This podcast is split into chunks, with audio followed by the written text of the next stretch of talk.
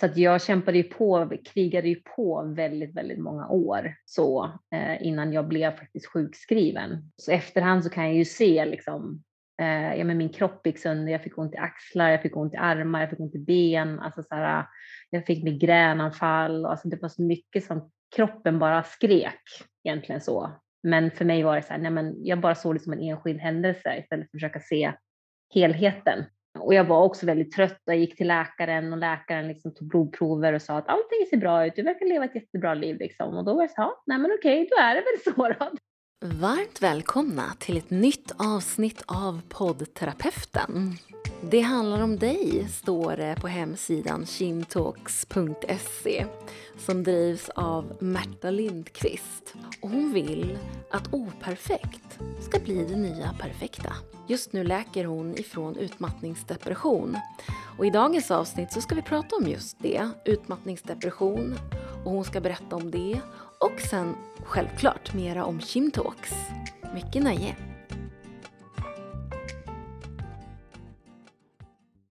Hej Märta! Välkommen till poddterapeuten. Ja men tack så mycket! Känns jätteroligt att vara här. Jag är så glad att du bjöd in mig. Men då börjar vi lite baklänges. Så vad gör du idag? Ja, eh, jag eh, kan säga att jag är sjukskriven på deltid. Mm. Eh, och den deltiden då där jag inte är sjukskriven så har jag startat ett företag som heter Shimtalks, Talks for Insights. Vad betyder Shimtalks? Eh, men inget speciellt mer än sådär att jag liksom höll på med lite ord och så var det liksom shim, shimmering, sådär aha-upplevelser mm. och så blev det liksom shim talk sådär att jag tänker lite, ja men shimmering sådär någonting. Att man, jag tänker att vi jobbar ju liksom med samtal för att få insikter sådär. Så att det var, det liksom bara kom till mig lite sådär. Alltså det har egentligen ingen speciell betydelse annars så liksom. Egentligen. Eh, utan det var så här, ja men det, det låter bra ungefär. så. Liksom kunna bidra med att stötta människor, att synliggöra och medvetandegöra saker så att man får insikter om sig själv egentligen. Eh, insikter om hur man agerar, hur man beter sig, vad man har för känslor, vad man känner och får förnimmelser och sensationer i kroppen. Att man får insikter vad det innebär för en själv. Så, mm. egentligen. Åh, vad spännande och viktigt. Mm. Jätteviktigt tycker vi och tycker jag också. Det är otroligt viktigt. Jag tror att vi tyvärr i vårt samhälle tappar bort oss lite i det. Eh, och speciellt då för oss är det väldigt viktigt att jobba med kroppen och sådär att man tappar bort. Man tappar bort lite. Man blir för lite för mycket i huvudet sådär. Att man faktiskt glömmer kanske också att lyssna på vad kroppen säger och att eh, kroppen är ju faktiskt ett av de viktigaste verktygen vi har för att leda mm. oss själva. Så egentligen. Ja, du har så rätt. Inom mm. gestalt så säger man ju att man har, det här vet ju du, men det är att man har tre zoner. Ja. Så jag blir nyfiken på om det är någonting liknande som du menar. Ja, men det är det ju absolut. Eh, med tanke på att eh, det jag då driver är att vi förmedlar ju terapeuter till privatpersoner och då är det så att alla våra, äh, alla våra terapeuter är gestaltutbildade. Så att det finns ju med Eh, man har det som grund. Sen kan man vara utbildad i andra grejer också. Det är vissa som är legitimerade psykoterapeuter och vissa som är somatic experience-terapeuter och sådär. Men i grund och botten så har man en gestaltutbildning då.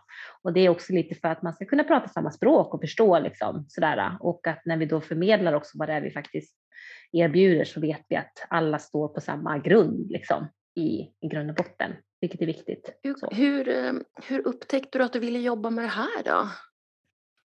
Ja, det är en eh, lång historia tänkte jag säga. Men ja, det började de faktiskt, gillar vi. ja, Nej, men det började faktiskt 2010. Mm. Då började jag jobba på ett företag, ett konsultföretag som jobbar, eh, fortfarande finns idag, men som jobbar med organisation och ledarskapsutveckling. Och på det här företaget då så hade vi eh, konsulter och alla de här konsulterna var gestaltutbildare. Så Gestaltakademin som de här är utbildade på har ju en organisationsutbildning och en terapeututbildning.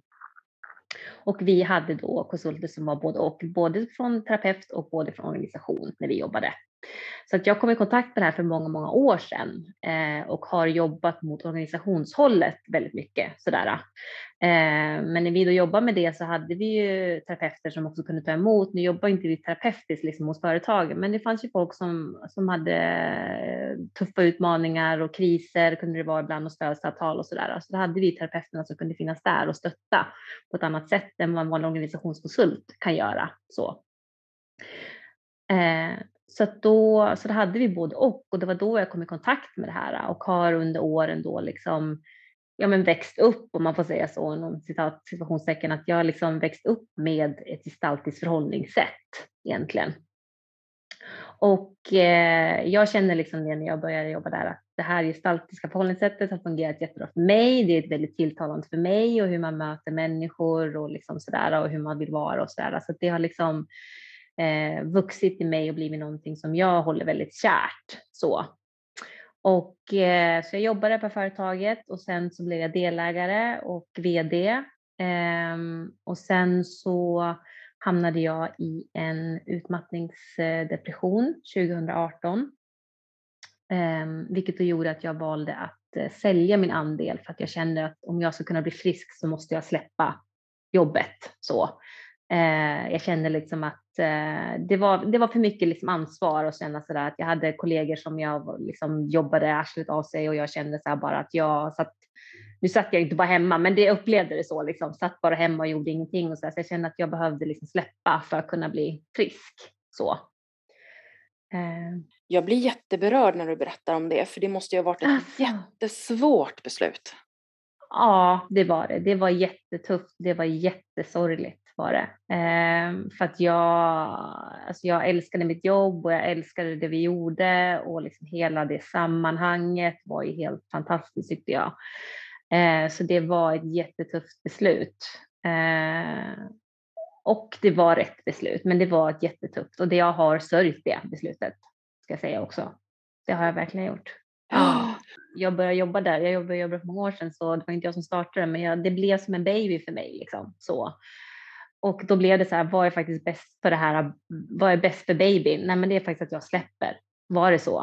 Eh, än att jag skulle han, hanka mig kvar på något vis liksom och vara en eh, passiv delägare som jag kände att det, det, var liksom inte därför jag blev delägare och det var inte det så jag ville styra företaget heller liksom.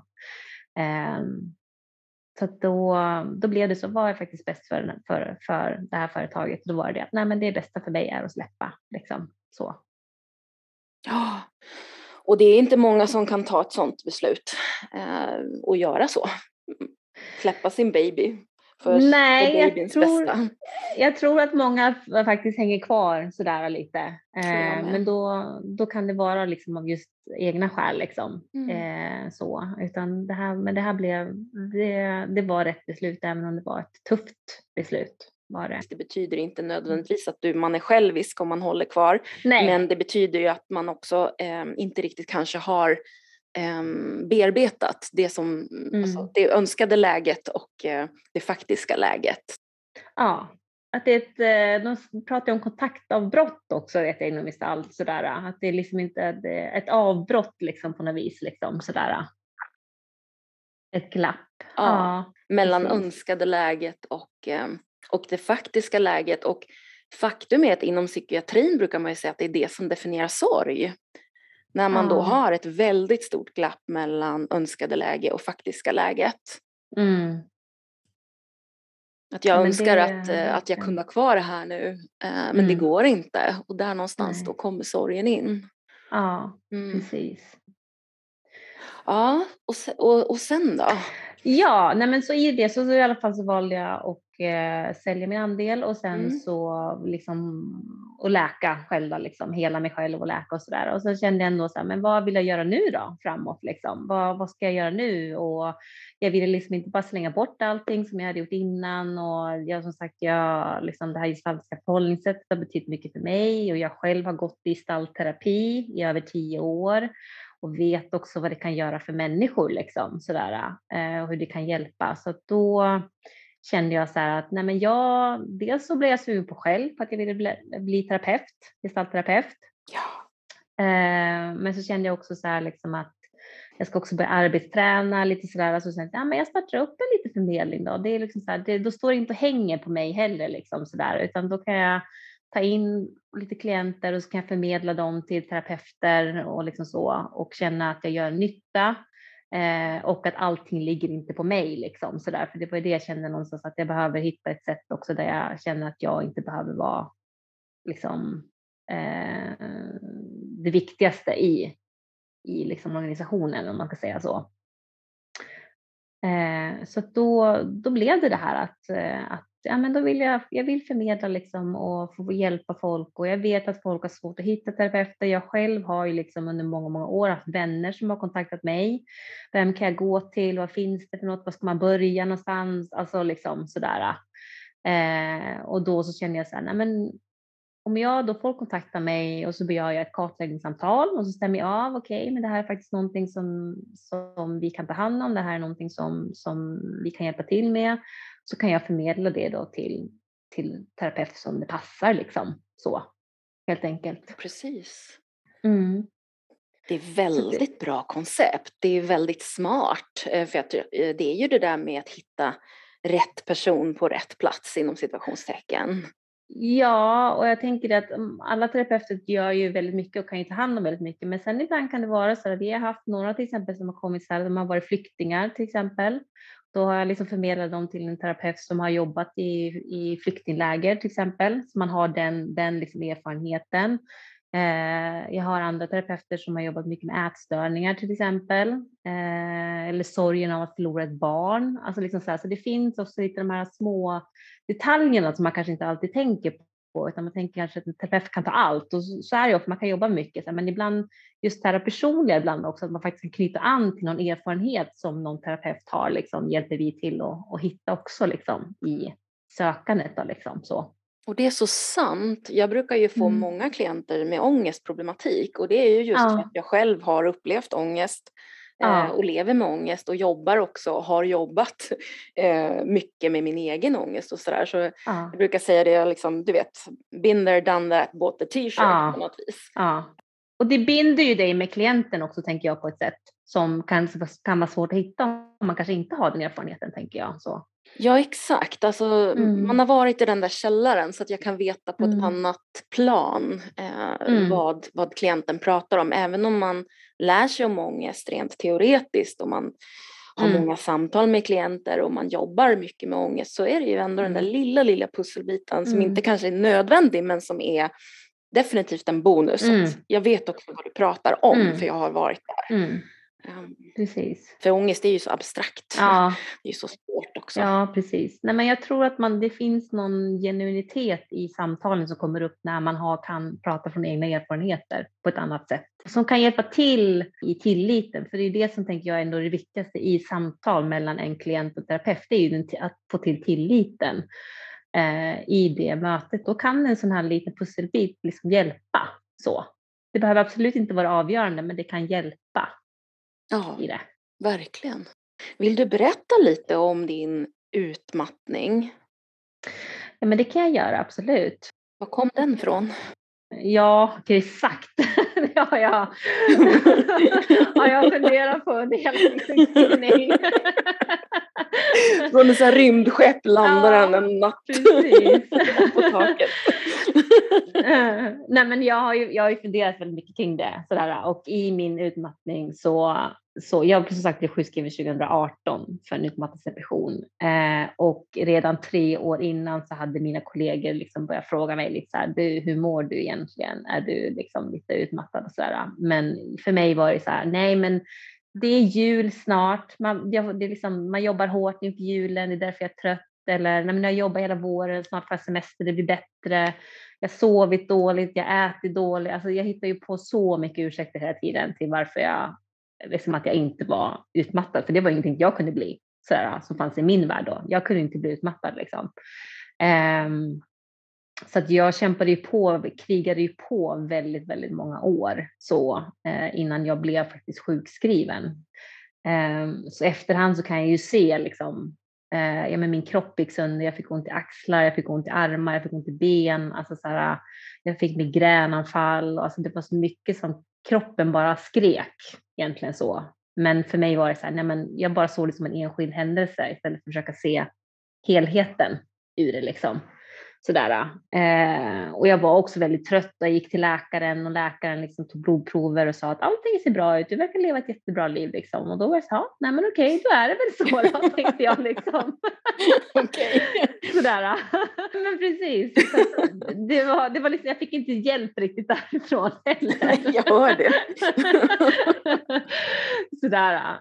Um, men som sagt, i efterhand så kan jag ju se den röda tråden i det, liksom, att det var ju väldigt mycket som var, som var fel på kroppen. Kroppen skrek ju väldigt länge. Liksom.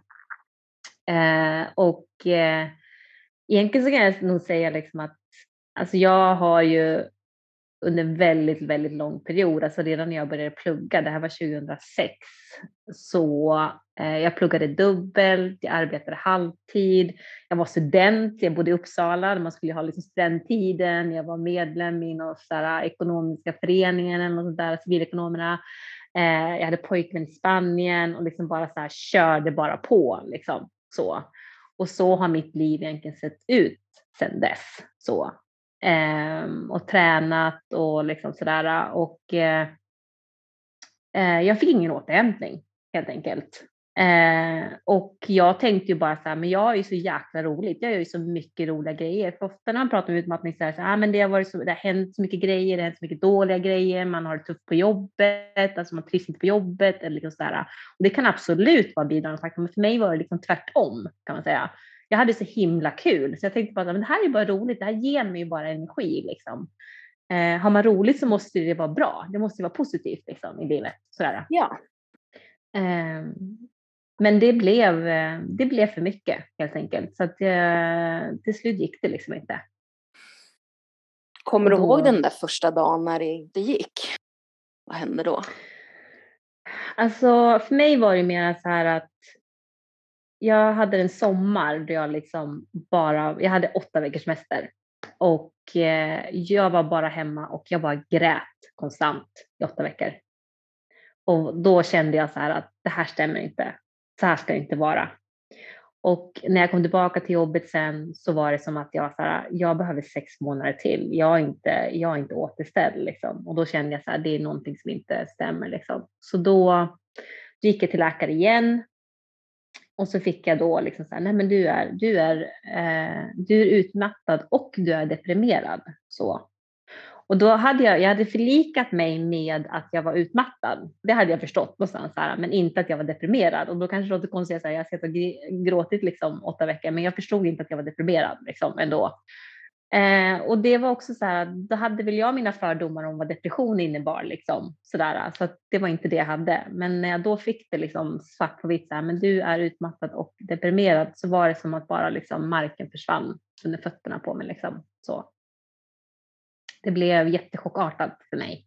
Jag förstod liksom inte det.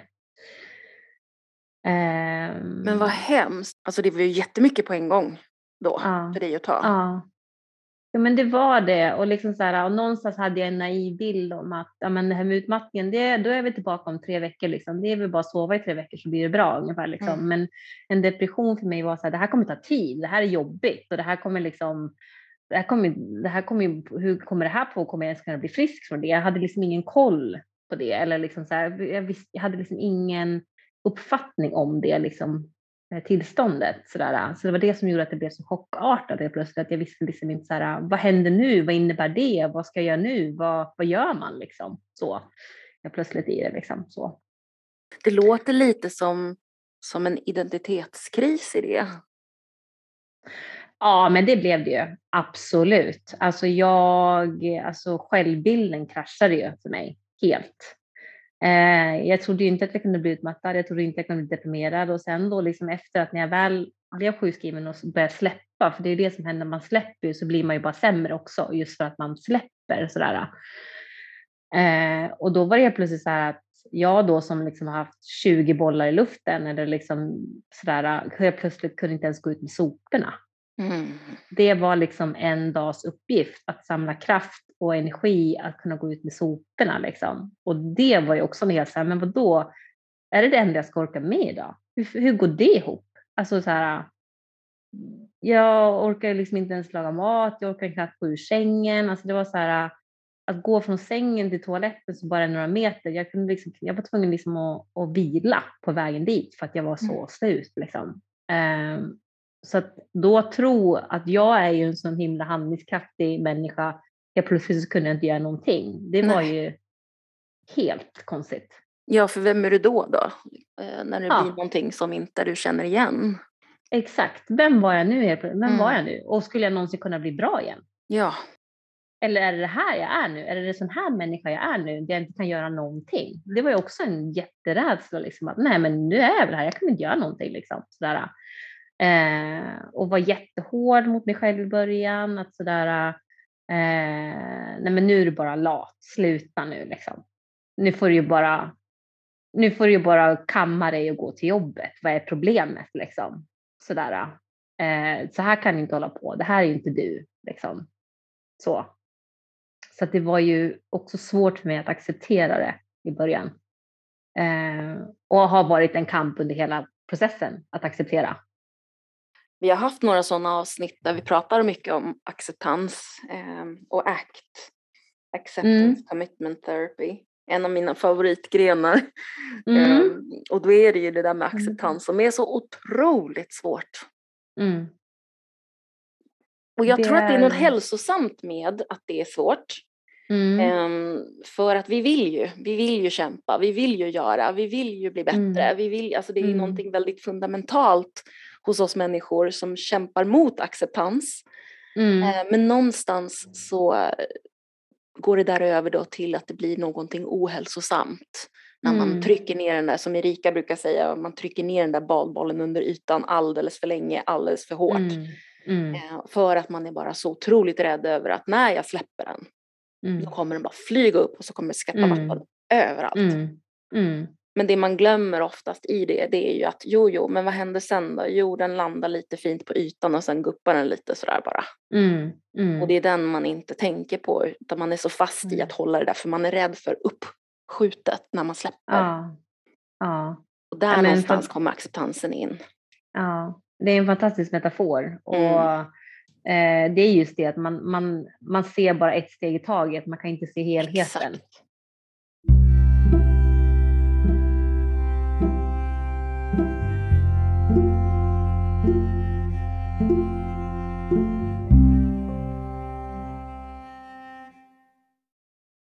Vad fick du för hjälp under den här tiden?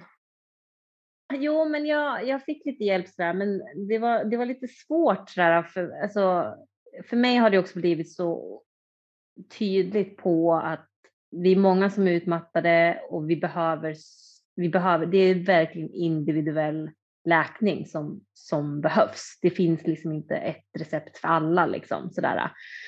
Eh, och jag märkte det när jag blev sjukskriven så var det ju, det var ju läkare och psykologer som var på mig att jag skulle börja gå i en rehabskola på en gång. Det var liksom så här, du ska in, du ska in på en rehabskola, du ska in på en rehabskola. Oj, okay. eh, och jag var så här, ja ah, okej, okay. och, jag, och jag var så här, jag vet inte hur man gör, de säger det, då är väl det bra antar jag liksom. Sådär. Eh, så jag hade väldigt mycket press på mig på det så att jag eh, började efter ett halvår och så började jag gå, men jag blev bara sämre och sämre och sämre. Eh, och det var för att jag var inte redo.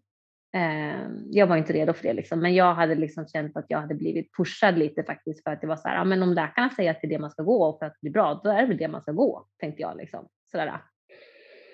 Eh, men Läkarna skulle jag... behöva gå lite gestaltutbildning kan jag känna ibland. Ja, faktiskt. ja, men faktiskt. Mm. Jag bara lägger så, ut den där. ja, ja, men precis. Ja, men det, det, vissa som jag har träffat eh, psykologer kan också behöva lite gestaltterapi mm. kan jag känna. Yes. um, nej, men så då, så då fick jag faktiskt vara hemma och bara läka. Uh, Liksom, och det, var, det är det som har hjälpt mig väldigt mycket, att faktiskt bara få vara hemma och inte ha en press på att jag ska göra någonting eller gå någonstans eller liksom sådär. Eh, sen har jag haft stöd hos eh, min terapeut som också är, som är gestaltterapeut och somatic experience-terapeut som det har jobbat väldigt mycket med kroppen och liksom oavslutade gestalter och, och liksom sådär. Ehm, men för mig har det varit mycket att faktiskt bara få vara och jag kände det också ett tag. Så här, kan inte alla bara låta mig vara? Ungefär lite så. Jag behöver få vara, jag behöver bara få känna att jag inte har något, jag behöver inte ha något mål för dagen, jag behöver inte ha någon press på att jag ska göra någonting. Eh, och det var ju när jag kunde få de här lite längre sjukskrivningarna, för i början var det liksom varje månad man skulle gå dit och då så kände jag ju någonstans så här, oj, nu måste jag vara bättre den här månaden när jag kommer hit, nu måste jag vara ännu bättre, nu måste det bara bli bättre liksom sådär. Eh, men när jag fick en längre period så kunde jag slappna av på ett helt annat sätt och det hjälpte mig jättemycket. Men sen så hamnade jag hamnade hos en läkare som var så här efter ett år tyckte hon liksom att så här, nu ska du vara frisk. Jag förstår varför inte du är frisk. Så fick jag ju. Um, men då bytte jag läkare och så kom jag till, en, eh, till psykiatrin istället.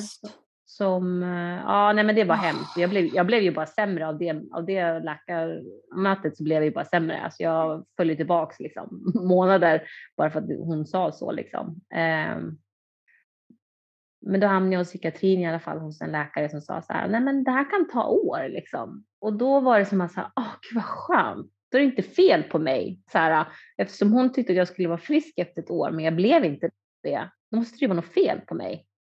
Men helt plötsligt hade jag läkare som nu bara sa, nej men det här kan ta år. Och då, då fick jag ett lugn i mig, okej, okay, det är faktiskt okej. Okay. Jag kan ha min läkningsprocess liksom. Det, det verkar vara okej okay ändå när jag pratar med dig nu så får jag ändå mm. känslan, och nu får du verkligen säga om hur det resonerar hos dig, men jag får i alla fall känslan, jag sitter med känslan att, eh, att du ändå idag eh, har på något vis eh, accepterat hur läget är och på något vis också hittat nya vägar runt det hela.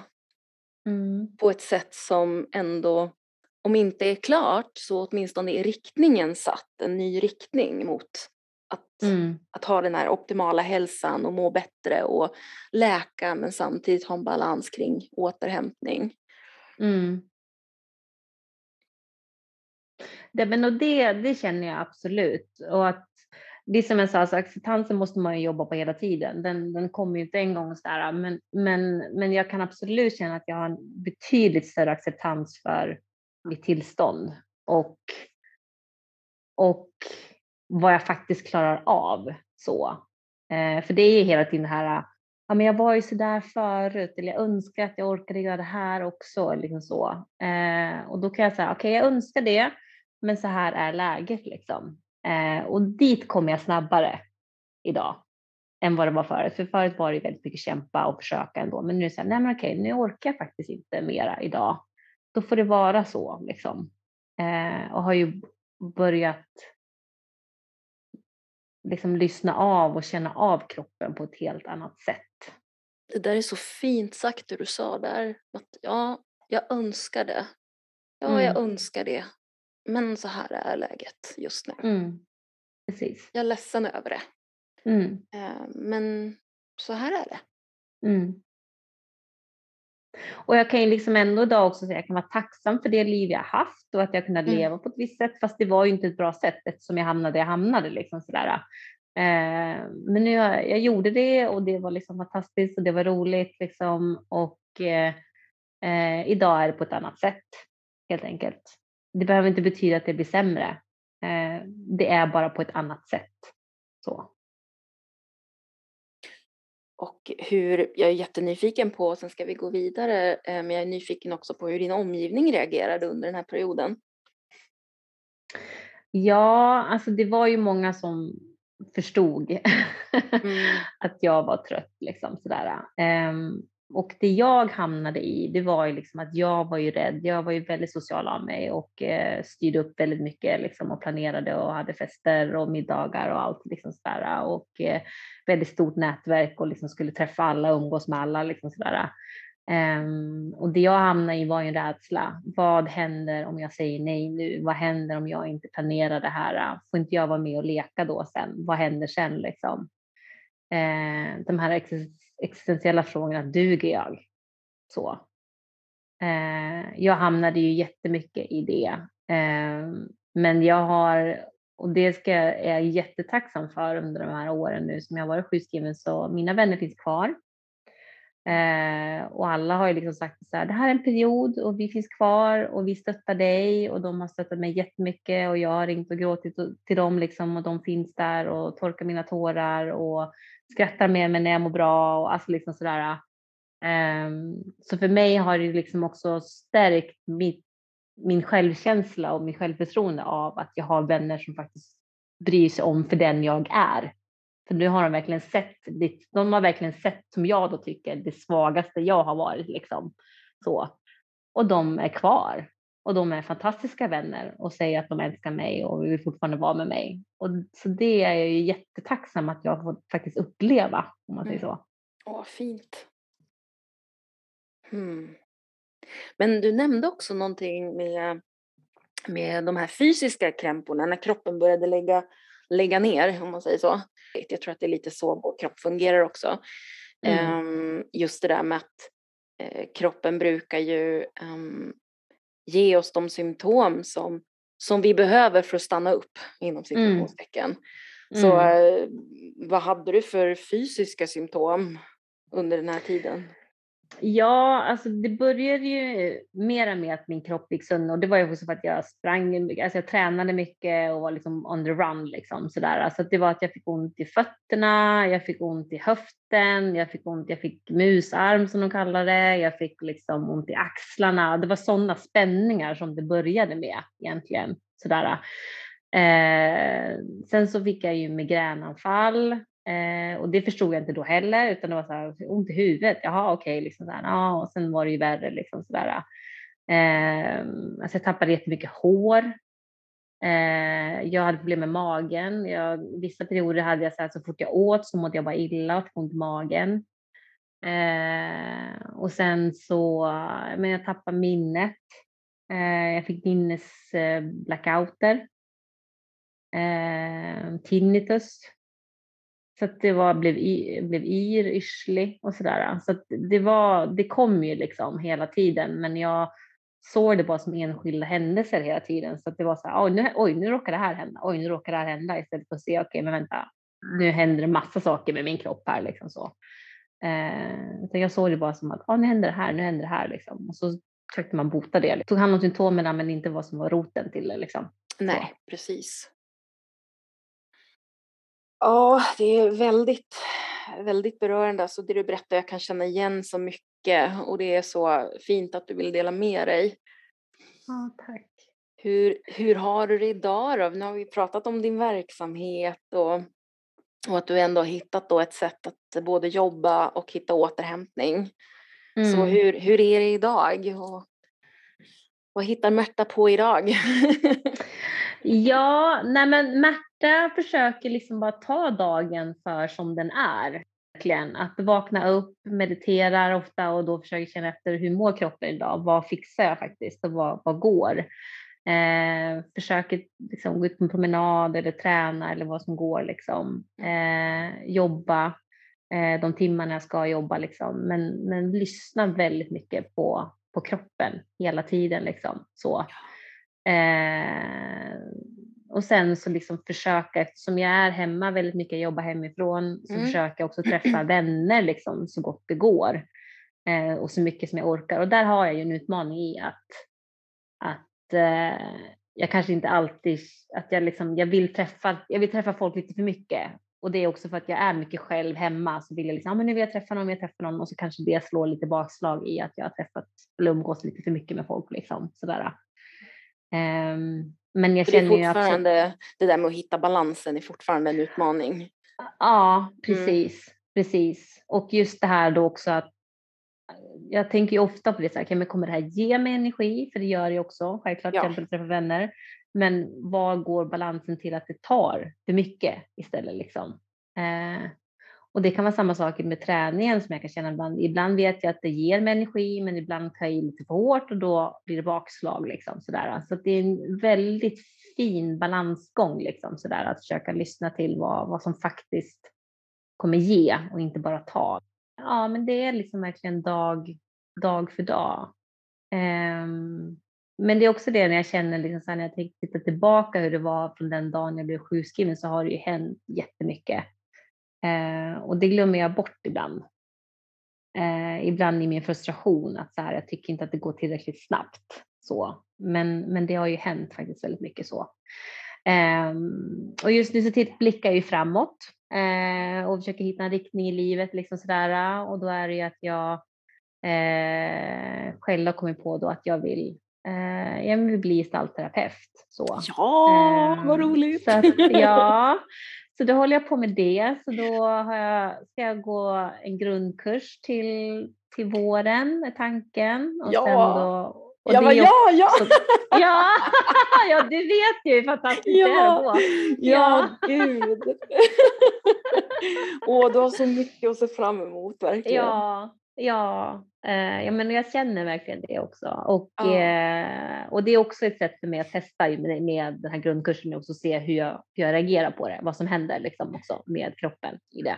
Det är smart så. faktiskt och det, det, mm. det, gillar jag med gestaltutbildningen. Det är just att de har den där grundkursen före innan hela utbildningen sätter igång. Mm. Mm. För den där grundkursen är ju ett sätt, precis som du sa så bra där, att mm. ja men ja, kommer det här funka? Uh, orkar jag just nu? Och det mm. behöver ju absolut inte betyda att, att uh, gestalt inte är för dig om du inte orkar, utan det här handlar ju, det här är ju färsk, färskvara beslut. Mm. Så mm. det kan vara så här, nej men okej, det kanske inte funkade just nu, när jag testat mm. det, då provar vi igen mm. om ja, x tid. Ja, uh, för det där är ju absolut ingenting som, som man går och sen så kanske det inte funkar och sen så stryker man det helt, utan det kan mm. verkligen vara någonting som man får om, uh, ompröva lite senare ja. i så fall.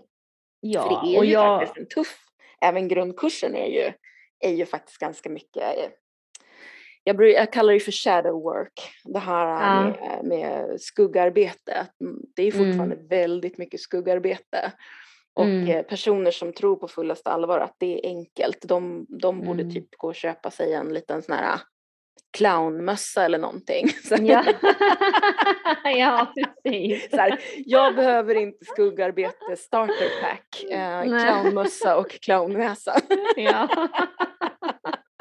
Ja, ja. ja men och det, och eh, det kommer bli tungt och det kommer vara så otroligt givande också. Och jag vet ju det att i, efter det tuffa så blir det ju, så, så är det ju fantastiskt liksom. Så. Men det är ju någonting man ska ta sig igenom och det är ju tufft såklart. Igenom ja, du säger det så bra. Mm. Jag kommer ihåg eh, första, eh, vi kan berätta för lyssnarna att det, den är uppbyggd i moduler då, i helger.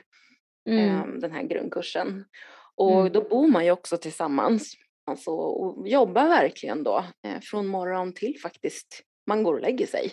Mm. Eh, och det där fann ju jag personligen ganska jobbigt.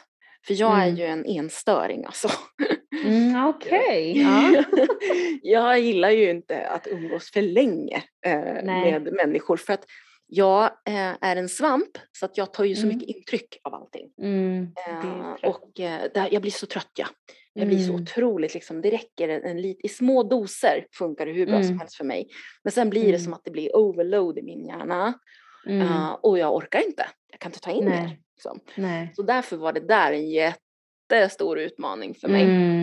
Uh, att vara där och umgås med människor så länge, uh, under, flera dagar i sträck och liksom från morgon till kväll.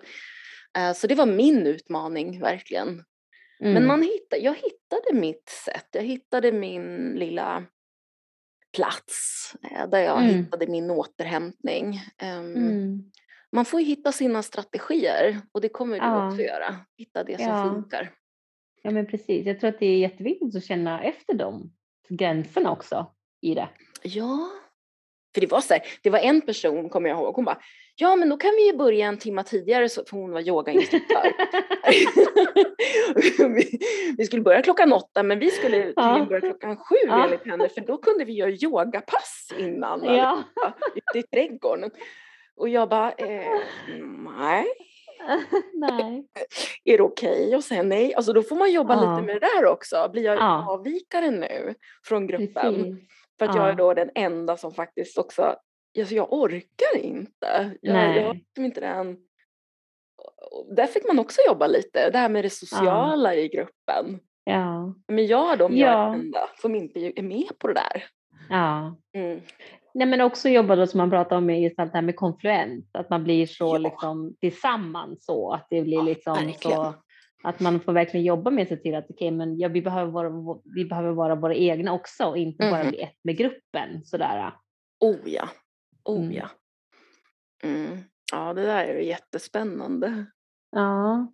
Och sen ska jag verkligen också säga att i den där grundkursen jag gick, vi var tio sammanlagt tror jag i vår lilla grupp. Ja. Och en av dem har jag verkligen fortfarande som en av mina närmaste vänner och det, är, alltså, det känns helt fantastiskt. Det förstår man kunde jag. komma dit. Ja. Mm. Och, ni, och att ni har gått igenom det tillsammans. Det är Ja, fantastiskt.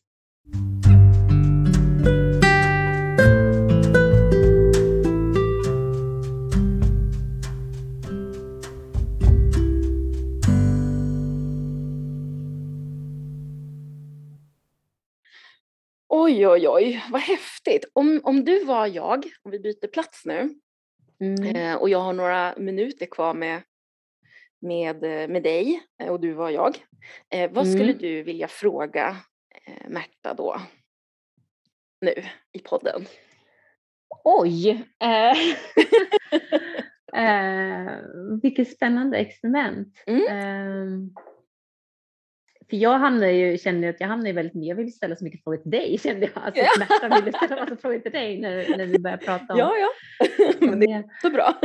Ja, ehm, Men jag är Märta nu och du är jag. ja, vad vill du veta? precis.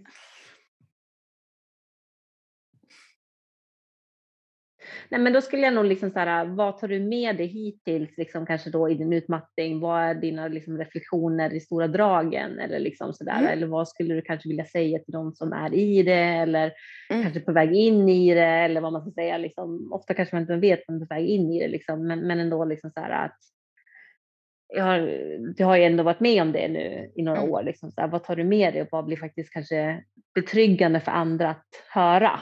Liksom. Ja. Så skulle jag väl snarare kanske ta det.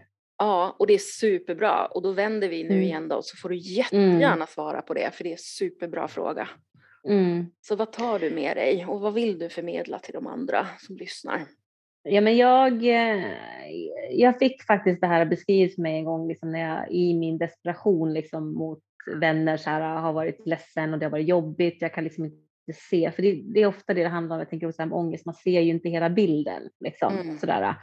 Och då var det en, en vän som sa till mig, nu beror det självklart på hur börsen går, men om man ändå tänker en aktie väldigt långsiktigt sådär, så går den ju väldigt mycket upp och ner hela tiden. Men under tiden så, men om man kollar på kanske tioårsperspektiv så har den ju ändå gått upp, även fast den har sina toppar och dalar liksom. Och så sa hon, så skulle jag beskriva din utmattning liksom. Nu är du i en dal, men du går ju sakta uppåt i det liksom sådär. Ehm, och den här bilden har jag försökt ha med mig när jag hamnar liksom i de värsta situationerna. Liksom, sådär. Att just det här hela tiden att försöka hitta tillbaka till det stora perspektivet blir så viktigt att se att men för tre år sedan så kunde jag knappt gå ur sängen. Idag så kan jag faktiskt gå upp, jag kan faktiskt gå och orka laga, laga tre mål mat om dagen. Det gjorde inte jag för tre år sedan. Liksom, sådär. Um, och det är liksom det här liksom att, att, att få ta stöttning av det. Skriv ner det eller prata med en vän om det som kan hjälpa dig att påminna om den här bilden. Liksom. För att det är det som blir det förtvivlan så försvinner ju den här stora bilden. Så det, det skulle jag säga är, är superviktigt att liksom kunna se sin egen process i det. Liksom. Att, att det, blir, det blir bättre även om det känns som att det är myrsteg hela tiden. Liksom. Um, och sen är det ju det här med acceptans. Försök att få hjälp med att hitta acceptansen liksom. och våga sörja. Var ledsen över att det inte är som det är. Var ledsen över att du inte kan göra saker som du skulle vilja göra. Liksom. Så, eh, våga vara ledsen över det som faktiskt inte är längre. Och det man inte förmår. Så. Att det är helt okej okay att vara ledsen över det. Istället för att försöka kämpa mot det hela tiden. Så försök möta den sorgen. Och det är så svårt men det är så viktigt. Ja, det är jättesvårt. Men hade jag liksom ändå fått de där orden tror jag med mig ändå att ja, det är faktiskt så man kan börja tänka eller liksom så man kan börja hantera eller möta det eller liksom så, här, så tror jag att det hade kunnat underlätta för mig på ett annat sätt. Liksom. Så. Att just liksom få så här, äh, förstå att det är tufft och förstå att det är jobbigt och så här, men försök våga, våga möta det liksom ändå. Mm. Mm. Ja, det där är en jättebra lärdom att du, som du vill förmedla. Alltså det, var, det är jättebra. Jag, jag tar verkligen in det och jag, jag tror Mm. också verkligen att lyssnarna eh, kommer förstå vad du menar. Jag har ju några som lyssnar som jag vet också eh, har utmattning, lever med Mm. utmattning. Så. Men jag tycker det är så viktigt det du säger, det där med helikopterperspektivet och det här längre perspektivet. Och Mm. jag undrar igen lite grann varför vi människor har så svårt med det. Det här med att man inte ser de framsteg man gör för att de går för långsamt. På något vis så har vi människor inte bandbredd Nej. band för Nej. att kunna eh, göra så. Eh, Ja. Se det i ett större perspektiv, eller mindre, hur ska man säga, längre bort perspektiv. Ja. Men jag tror också, speciellt om man, jag tänker att man lider ju på ett sätt. Och Ja. då är det svårt att lyfta blicken liksom, i det. Sant. I lidandet ja. I lidandet är det jättesvårt att lyfta Ja. blicken. Mhm. Så. Och det är nog förmodligen för att man är så otroligt mycket då i, i känsla eh, och Ja. kroppsliga symptom samtidigt. Mm. Man är ju Mm. faktiskt på ett sätt i en kris. Mm. Och eh, när man hamnar i kris då, då, då är det ju väldigt svårt att slå på den här eh, analytiska, rationella delen. Mm. Mm. Nästan omöjligt ju. Mm. Och de få gånger man lyckas göra det så, så hjälper inte den rationella analytiska delen dig. För den, precis som du sa, den bara berättar för dig att du är dum typ. Mm. Eh, att det är ditt fel, att du borde kunna Mm. bättre och allt det där som du berättade i början. Mm. Så den Mm. hjälper inte dig heller. Nej. Lägger på ytterligare sen då nya känslor på grund av det. Att det blir liksom Mm. eh, känsla av misslyckande och kanske till och med skam och skuld kommer in och så blir det liksom en sån Mm. här rolig spiral neråt. Mm. Mm.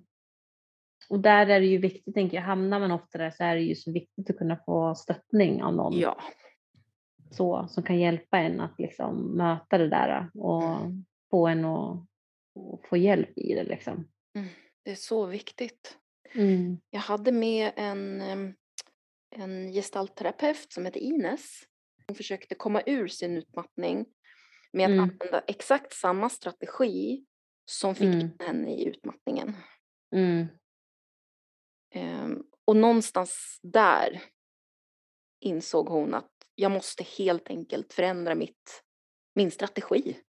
Mm. Jag kan inte mm. använda samma som fick in Nej. mig i det här. Nej. eh, att komma ut ur det. Jag måste ändra Mm. strategi, jag måste hitta andra och där behöver man hjälp och stöd. Mm. Mm. Verkligen, verkligen. Det är lätt att bli förblindad i det liksom. Exakt, ja, för det är en Mm. del av ens, av ens mönster och en del av då en Mm. personlighet, alltså ens, ens identitet. Jag är det här, Mm. jag är det här. Så Nej men det, så, vik- ja, så viktigt. ja, Så viktigt det du säger. Mm. Och jag är så otroligt glad och tacksam över att du har delat med dig och det är så fint att få prata med dig och det, du ger verkligen mig och, och, och lyssnarna en gåva i din berättelse. Den är så Ja, viktig. tack. Ja men tack. Ja och det känner jag att det är viktigt att prata om de här grejerna och att inte skämmas över det. Ja men åh så sant. Ja för att Mm. innan vi började spela in Mm. frågade jag dig eh, faktiskt om du eh, var okej med att, man, att du berättade om att du var sjukskriven. Mm. Och anledningen till det, det är ju just för att det finns en del personer som fortfarande känner att de inte riktigt är där än, att de kan eller vill berätta om det. Men det, Mm. risken med det, det blir ju då bara att det blir ytterligare en, eh, ja precis som du beskrev där, att det är, det är inget fel i det. Du inte, du, du, det är inte något skamligt eller något bara det. Ehm, Mm. Så egentligen så tycker jag det är lite synd att jag, att, jag, att jag ställde den frågan. Jag vet ju att du vet varför jag gjorde det, men egentligen lite Mm. synd för det, det lägger på ytterligare det här stigmat av att det är någonting som inte man kanske vill prata om och det underlättar Mm. inte för den personen som då är Nej. sjukskriven.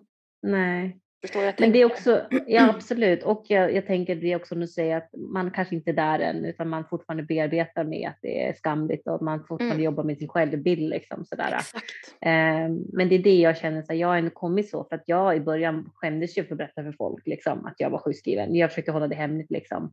Men jag känner också liksom det att, att för mig hade det hjälpt att höra andra så. Eh, och ju mer jag pratade om det, desto mer fick man ju höra vänner som berättade, ah, men min vän när jag jobbade där, hon blev också sjuk, men det var ingen som pratade om det innan liksom, sådär helt plötsligt. Eh, och då kände jag så här, men om, om det här kan hjälpa någon att känna så här, fan det är helt okej att prata om det här, det är faktiskt helt okej att vara sjukskriven för utmattning, då känner jag så här, då har jag hjälpt någon och då har liksom det här betytt någonting liksom, så känner jag. Så, det, så tack själv för att jag fick ställa upp och berätta, tänker jag. För det är också en gåva att få den mm. här äh, möjligheten att göra det hos dig. Mm. Åh, vad härligt. Mm. Mm. Jag brukar alltid be mina härliga gäster att sammanfatta vad, vad vi har pratat med eller vad man vill ta med sig eller om det är någonting som man vill eh, ge med, eh, ge av sig. Men gud, hur säger jag? nu, nu börjar jag bli trött här tror jag. Ja. så här, sammanfatta det vi har pratat om eller, eller om det är någonting avslutande som du vill ge lyssnarna, så ska jag säga. mm. um. Eller både och. Ja, nej men jag, det jag känner liksom är att alltså, våga lyssna till kroppen. Så. Våga lyssna på kroppen. Ja, alltså så här, våga lita på din intuition. Och det är liksom också mycket med det vi jobbar med. Alltså så här, vi, när folk hör av sig till oss och vill liksom träffa någon så säger vi jobbar med kroppen för att vi vill, liksom, vi vill få dig att kunna känna förnimmelser och sensationer i kroppen och att du ska kunna våga lita på dem så ja. igen. Ja. Och det, det tänker jag liksom är, det är en viktig del i utmattning men det är en viktig del i livet. Mm. Det är någonting som säger ifrån så mycket så att våga lyssna på det liksom det är, det är rätt. Så. Och att det att våga liksom hitta det här i magkänslan eller sjätte sinnet eller intuition, vad man nu vill kalla det. Man får kalla det vad man vill. Liksom. Men att om du hittar det, då kommer du kunna stå i det också. Och då spelar det ingen roll hur andra reagerar, för att du kommer kunna stå i det som är rätt för dig. Mm. Just det. Så bra. Inom gestalt mm. säger man ju, vad är det, förändringsparadoxen eller någonting sånt där heter det va? Ja, precis. Ja, det är det där med att, att, att någonstans så blir det ju förändring först när du släpper att du vill ha, eller ja. Att, ja, när du väl släpper eh, så blir det förändring. Mm. Åh, vad spännande det var att få prata med dig. Hur kan man nå dig om man vill ha hjälp med det här med förmedling och eller om man vill ha mm. terapi så berätta. Vi har en hemsida, eh, shimtalks.se, s-h-i-m-t-a-l-k-s.se. Yeah. Eh, och så finns vi på Instagram också, shimtalks. Mm. Eh, så där kan man ta kontakt med oss om det skulle vara så. Eh, och man kan liksom bara höra man skickar DM via Instagram eller fyller i kontaktformulär och så tar vi det därifrån helt mm. enkelt. Mm. Så. Jättebra. Och mm. lägger ner, eh, eller vi lägger in i, eh, i, i Alltså jag är trött nu i min hjärna. Oh my god. Vi lägger allting i eh, infoboxen i avsnittet. Där kan ni, där ja. kan ni se länkarna till Chimtalks. Jättebra, mm. toppen. Mm. Ja, uh, sådär. Och så hamnade jag igen i den här klassiska tamburkoman. Jag förstår inte varför det är så svårt. Här med avsluta. Oh, ja. All right. Eh, tack så jättemycket för idag. Eh, tack för avsnittet och tack för att du delade och berättade. Och vi hörs snart igen hoppas jag för att jag tror nämligen att vi får en chans att prata igen i framtiden. Tror jag. Ja, det, det, hoppas jag också. Det var supertrevligt. Supertrevligt verkligen. Oh, tack. Oh, Bra. Tack, tack. tack. Hej då. Tack så mycket. Hej då. Och det där var allt för dagens avsnitt av poddterapeuten. Stort tack Märta för att du delade med dig och tack till dig som lyssnade. Dela det här avsnittet för att genom att du delar avsnittet så kan det nå fler personer och då kan fler ta del av innehållet. Om du vill kontakta poddterapeuten så kan du göra det antingen på till exempel Instagram eller Facebook eller på poddterapeuten.gmail.com. Om du vill vara med i ett avsnitt så tveka verkligen inte att höra av dig till mig.